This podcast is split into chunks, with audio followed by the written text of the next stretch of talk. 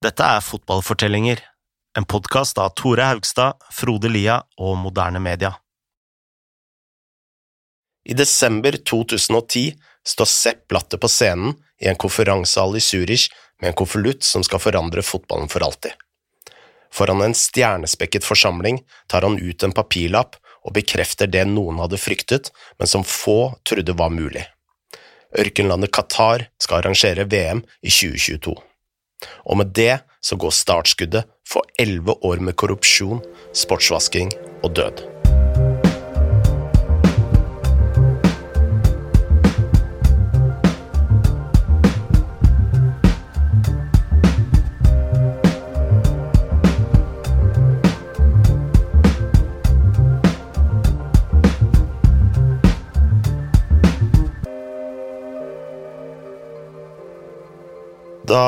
Blatter sto på scenen i Zürich, eh, hadde han alle verdens øyne rettet mot seg.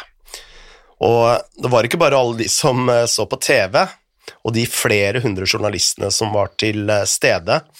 I salen satt folk som Bill Clinton, prins William, David Cameron, David Beckham, Zinedine Zindan, Louis Figo, og sist, men ikke minst, Morgan Freeman, Tore. Sist, men ikke minst. Og uh, dette kan jo virke som en veldig random gjeng når du snakker om et, uh, en avstemning for hvem som skal arrangere VM, men de fleste av disse var der for å presentere ulike søknader på vegne av ulike land. Det var to arrangører som skulle bekreftes dagen til to ulike mesterskap. For 2018 så var landene Belgia og Nederland sammen. Portugal og Spania sammen, pluss England og Russland. Og så hadde du 2022, hvor kandidatene var Australia, Japan, Qatar, Sør-Korea og USA. Uh, en av favorittene til å få VM i 2022 var jo USA. Men uh, da delegasjonen skulle holde en uh, slags siste presentasjon før stemmene ble gitt, hadde de gjort en, en bitte liten tabbe. ja, Morgan Freeman skulle holde en tale, men da han leste denne talen opp, så klarte han å, å, hoppe over ganske mye av det han som, som hadde skrevet. Uh, han leste som følgende You would see that in a country that admires individual achievements, we truly cherish what, we can, what can be done when we come together as a group. And there is no stronger, more resolute supporter. Og så var det en pause, og så gikk det et par sekunder, og så sa han i den der klassiske, dype Morgan Freeman-stilen I'm sorry, I missed the page. Ja, det var en helt utrolig presentasjon for et VM-bud hvor du bare noen har dratt ut ei side, eller du har skippa mm. ei hel side med en tale. Men uh, ja, det slo meg som litt komisk, da. Da hadde, da hadde jeg svetta litt. Ja, selv, selv, Morgan Freeman tror jeg svetta litt akkurat i det øyeblikket. Men eh, hva enn uh, dette betød for USAs favorittstempel, så var det jo veldig få som hadde særlig tro på Qatar. Altså dette lille ørkenlandet i Persiabukta som hadde rundt 1,8 millioner innbyggere, hvorav rundt 15% faktisk var eh, født i Qatar, og resten var eh, migrantarbeidere eh, som kom rundt omkring fra i verden, fra Bangladesh, Nepal, mm. Kenya osv. Filippinene er jo et land som har mange migrantarbeidere i Qatar. Og det var ikke det eneste grunnen til at Qatar var en, en rar søknad. Nei, eh, varmen er jo også et digert argument for at eh, Qatar ikke skulle få VM. Eh, det blir jo langt over 50 grader i Qatar på, på sommeren, og spille fotball i 50 grader, det er litt eh, ja, hva skal vi kalle det? Eh, litt uh, halvveis ålreit. Uh, ja. Altså for, Som en som har bodd i Madrid, hvor det var 40 grader, så altså, når du lukka opp døra, så var det som å bli Det er som når du åpner opp den stekeovnen og skal sette inn Grandiosaen, ja. og så bare kommer all den varmen mot deg. Akkurat sånn. Så det å spille i 50 grader, det, det, er, det er, ikke mulig. Og selv Fifas uh, inspektører hadde jo beskrevet deler av Qatars bud som uh, høyrisiko og uh, logistiske problemer fra ende til annen. Og skulle Qatar arrangere VM, eh, måtte de ikke bare bygge nye stadion, stadioner, de, altså de måtte bygge hele nye byer. Og um, sist, men ikke minst, hva med fotballkulturen? Vel, på Fifa-rankingen var Qatar landslag nummer 112. Ja. Om det var vanskelig å forstå hvordan Qatar skulle vinne dette, denne avstemninga, så var det like forvirrende at Qatar i det hele tatt hadde investert tid og penger og, hadde lyst på dette. Altså en random ørkenstat som knapt hadde innbyggere i, i, i midten av Gulfen. Altså, hvorfor skulle disse her ønske seg et fotball-VM når det ingen, ikke var noen i Qatar som i det hele tatt brydde seg om fotball? For å forstå det må vi faktisk vite litt om landets fortid. Dette pleide å være et eh, lutfattig britisk eh, protektorat, hvor eh, det fantes lite annet enn sand og støv. Veiene var grus, det var ingen elektrisitet, og folk henta vann fra brønner utenfor byene, altså det var rett og slett et u-land. Mm. Men så fant Qatar olje og gass, og faktisk så sitter Qatar på verdens tredje største gassfelt, noe som har gjort dem til verdens rikeste land med tanke på formue per innbygger, selv rikere enn Norge. I løpet av denne finansielle veksten hadde Qatars styre endra seg totalt. I 1971, da britene trakk seg ut, valgte flere av områdene i, i, rundt Qatar å gå sammen som De forente arabiske emirater. Men like før det ble Qatar i stedet en selvstendig stat. Um, all makta i landet gikk til Al-Thani-familien, som hadde styrt Qatar siden første halvdel av 1800-tallet. Så her snakker vi altså da om en, en ganske ny stat uh, med en, uh, en, kongefamilie som driver et totalitært regime. Altså, det er ikke noe demokrati her. Alle organisasjoner og departementer går tilbake til den samme familien. Men uh, selv om Qatar var en rik stat, kunne den ikke overleve alene. Altani-familien visste at de var svake rent militært, og at olje- og gassreservene en dag kom til å gå tomme. Så siden 90-tallet har Qatar investert sin rikdom i en rekke industrier, både for å ha flere bein å stå på, og for å skaffe seg mektige venner. Et diplomatisk trekk kom på midten av 90-tallet, da Qatar ble hjem til USAs største militærbase i Midtøsten, eh, noe som fortsatt er tilfellet. Um, om noen nå skaper trøbbel for Qatar, så betyr det også at de skaper trøbbel for USAs interesser i regionen. Uh, så du kan liksom se hvordan dette skaffer Qatar en, en sånn ekstra sånn mektig venn, da. Uh, I tillegg satte Qatar opp TV-nettverket Al Jazeera som et slags arabisk BBC med mål om å gi folk internasjonal og objektiv dekning av den arabiske verden. Samtidig fortsatte Qatar å spre sin økonomiske og politiske innflytelse. Qatar Investment Authority, altså statens investeringsfond, har kjøpt et hav av kjente kunstverk og malerier. De har eh, investert i Barclays, Volkswagen, Porsche, Miramax pluss mange andre selskaper. Eh, de har jo kjøpt eh, Harrods, eh, som blei jo en veldig kjent, et kjent oppkjøp. Og generelt i London eier de masse, masse eiendom, blant annet The Shard, som mm. du kjenner sikkert godt til, Tore, der, som har bodd i London. Der har jeg vært oppe. Og de har jo en masse eiendom i New York også. Altså Nesten overalt hvor man leiter, finner man interesser som går helt tilbake til Qatar. Men selv om alt dette er big business, så er det lite som kan spre global innflytelse på samme måte som verdens mest populære sport. Um, så Qatar begynte jo allerede tidlig på 2000-tallet å investere i fotball. I 2003 for eksempel, så fikk alle lagene i den qatarske toppdivisjonen 10 millioner dollar hver, som de kunne bruke til å kjøpe ja, hvem enn de ville. Og uh, siden Qatar åpenbart ikke var en storliga, så gikk jo dette da til å kjøpe avdanka store stjerner fra Europa. Uh, det er sikkert mange som husker at dette skjedde. Uh, plutselig så henta Qatar spillere som Pep Guardiola, Gabriel Battistuta, Frank Leboeuf, Stefan Effenberg, Marcel Desailly og De Boer-brødrene. Alle var der jo selvfølgelig for å heve inn siste sjekk før de la skoene på hylla. Men uh, Qatar har jo også organisert en lang liste med turneringer i, innen andre idretter, som for eksempel tennis, golf, volleyball, håndball, motorsport osv. Og siden 2000 har Qatar organisert VM i bordtennis, vektløftning, innendørs friidrett og, hold hatten, sykling. Mm. Og da, det er ikke sandsykling vi snakker om, altså. Eh, de arrangerte også de asiatiske lekene i 2006 uten at eh, de gjorde det noe særlig bra. En sørkoreansk sprangrider ble drept da hesten sklei i gjørmen. I tillegg eh, gikk eh, Qatar tom for hotellrom, så noen av atletene måtte sove på et skip som ellers ble brukt til å holde fanger.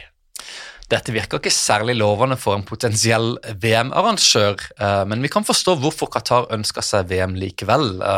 At dette var en turnering som ville overgå alt av sponsoravtaler og idrettsarrangementer. Og en hel måned så ville jo hele verdens øyne bli retta mot Qatar, forhåpentligvis med inntrykk av at dette var et moderne og en hyggelig stat som var åpen for business.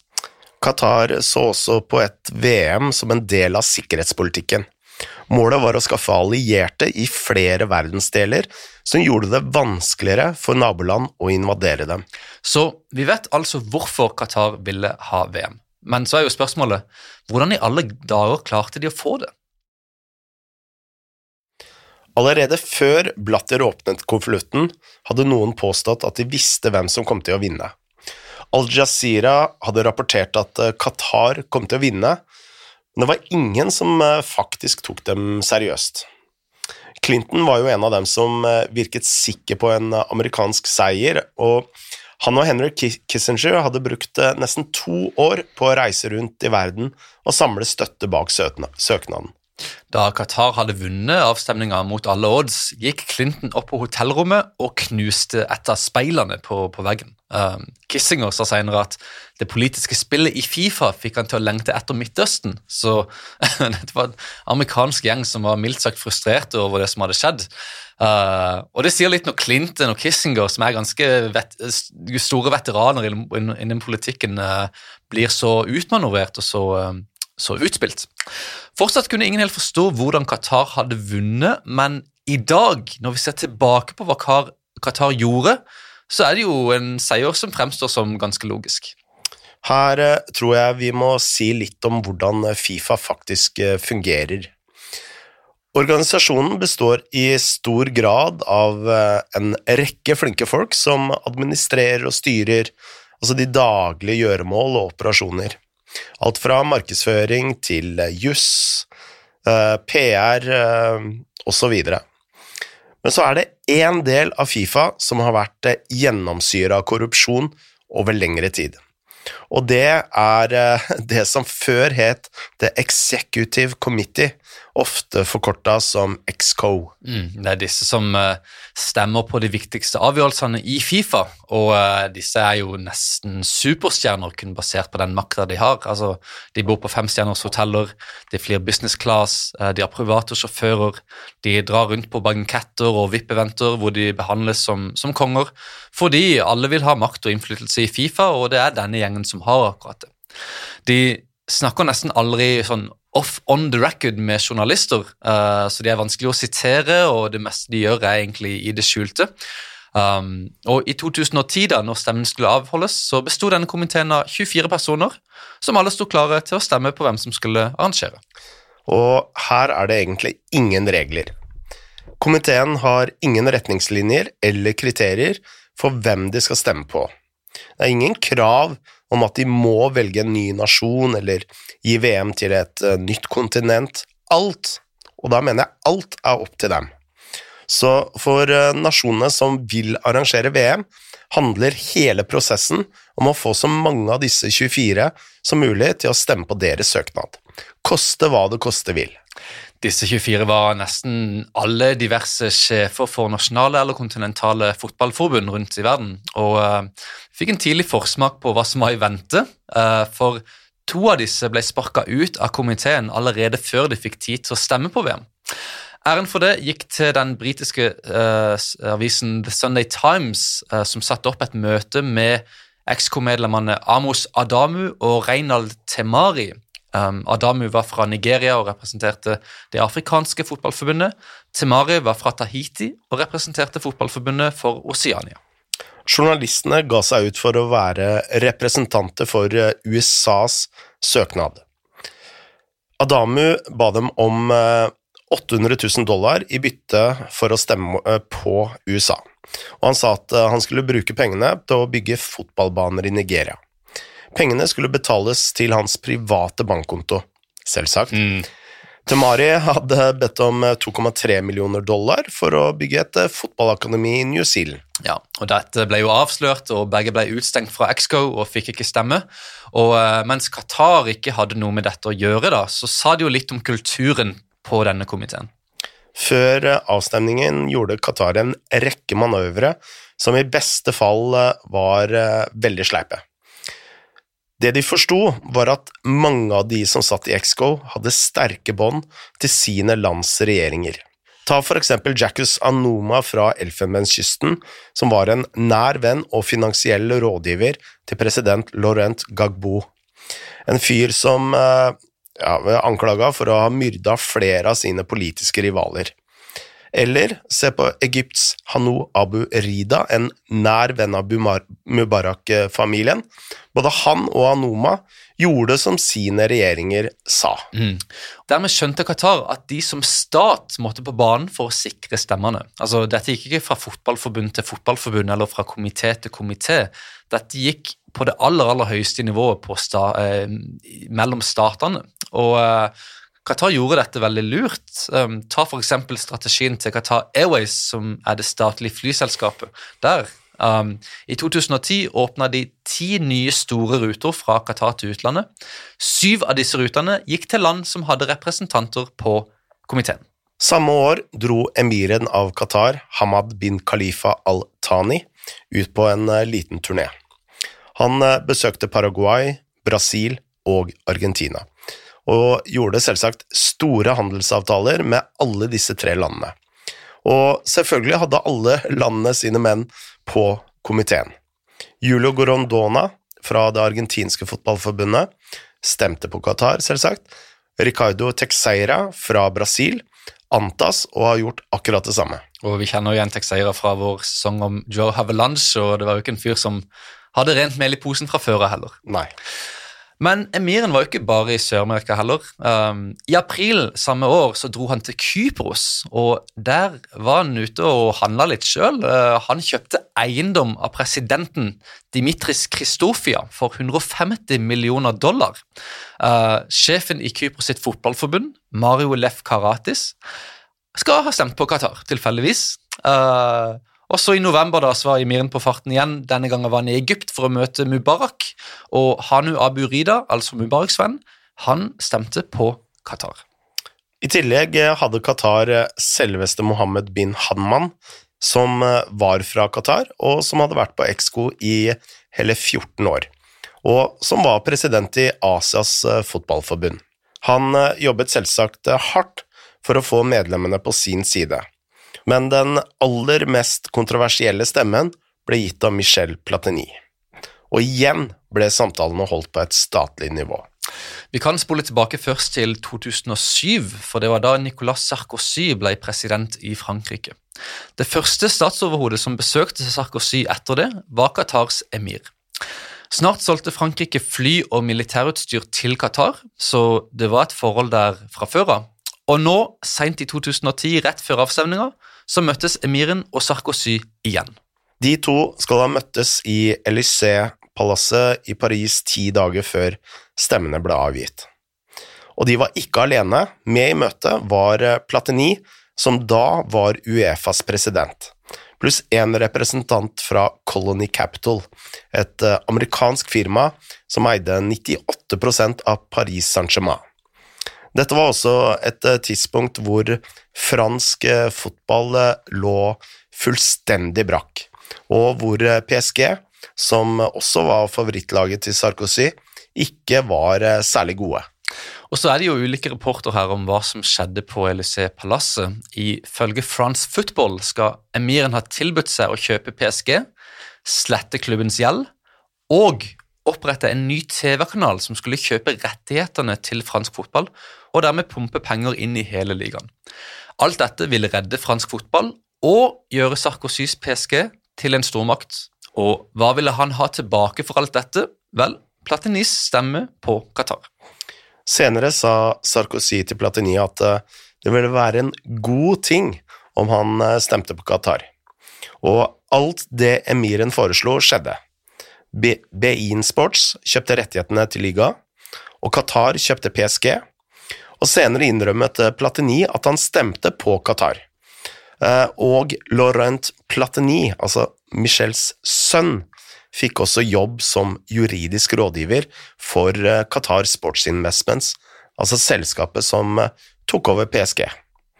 Dessuten solgte Frankrike 80 nye fly til Qatar til en verdi av 16 milliarder dollar. Med alle disse avtalene som bakgrunn vant Qatar altså avstemminga om VM i 2022. Og så kom jo selvfølgelig alle anklagene om korrupsjon. Sunday Times snakka med en kilde som sa at Qatar hadde betalt 1,5 millioner dollar i bestikkelser til Jacques Anouma og Issa Hayato, som begge satt på Exco. Og så lagt ut en e-mail da, som sa at Fifas generalsekretær Jerome Valquet hadde sagt at Qatar hadde kjøpt VM.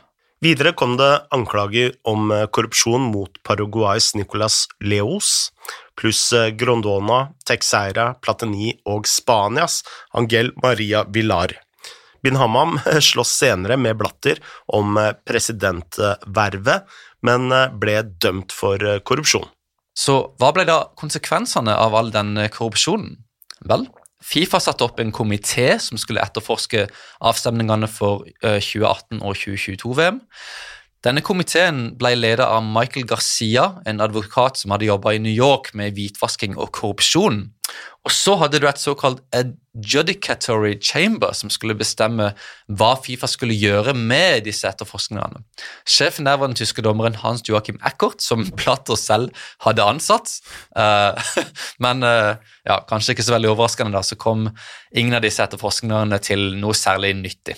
Og iallfall ikke noe som bidro til varige endringer i Fifa. Vi kunne jo ha tatt med veldig mye mer her, eh, både om korrupsjonsanklagene og forsøkene om å dekke over det som hadde skjedd. Men det holder kanskje med å si hva som skjedde med de 22 som deltok i avstemningen. Ja, for 21 eh, av de er jo borte nå fra komiteen, og selve komiteen har blitt så forgifta og så berykta at de har skifta navn til Fifa Council. Noen av de 22 fra 2010 er døde, andre er i fengsel, flere er suspenderte. Eh, og dette pga. korrupsjon, skattesnusk, utpressing og alle vanlige lister over fæle anklager og brudd på ulike lover. Kun en håndfull har kommet unna uten straff og suspensjoner i det hele tatt, men de aller fleste har blitt anklaga for et eller annet. Den eneste som fortsatt faktisk sitter på komiteen, er Hanu Aburida, som har holdt på makta enda litt bedre enn sin venn Mubarak i Egypt. Den uventede seieren var kun starten for Qatar. De skulle sette fart på en rekke ulike operasjoner for å øke landets status, innflytelse og prestisje i landslagsfotball og klubbfotball. Noen av disse prosjektene ble startet i neste måned, andre var allerede i gang.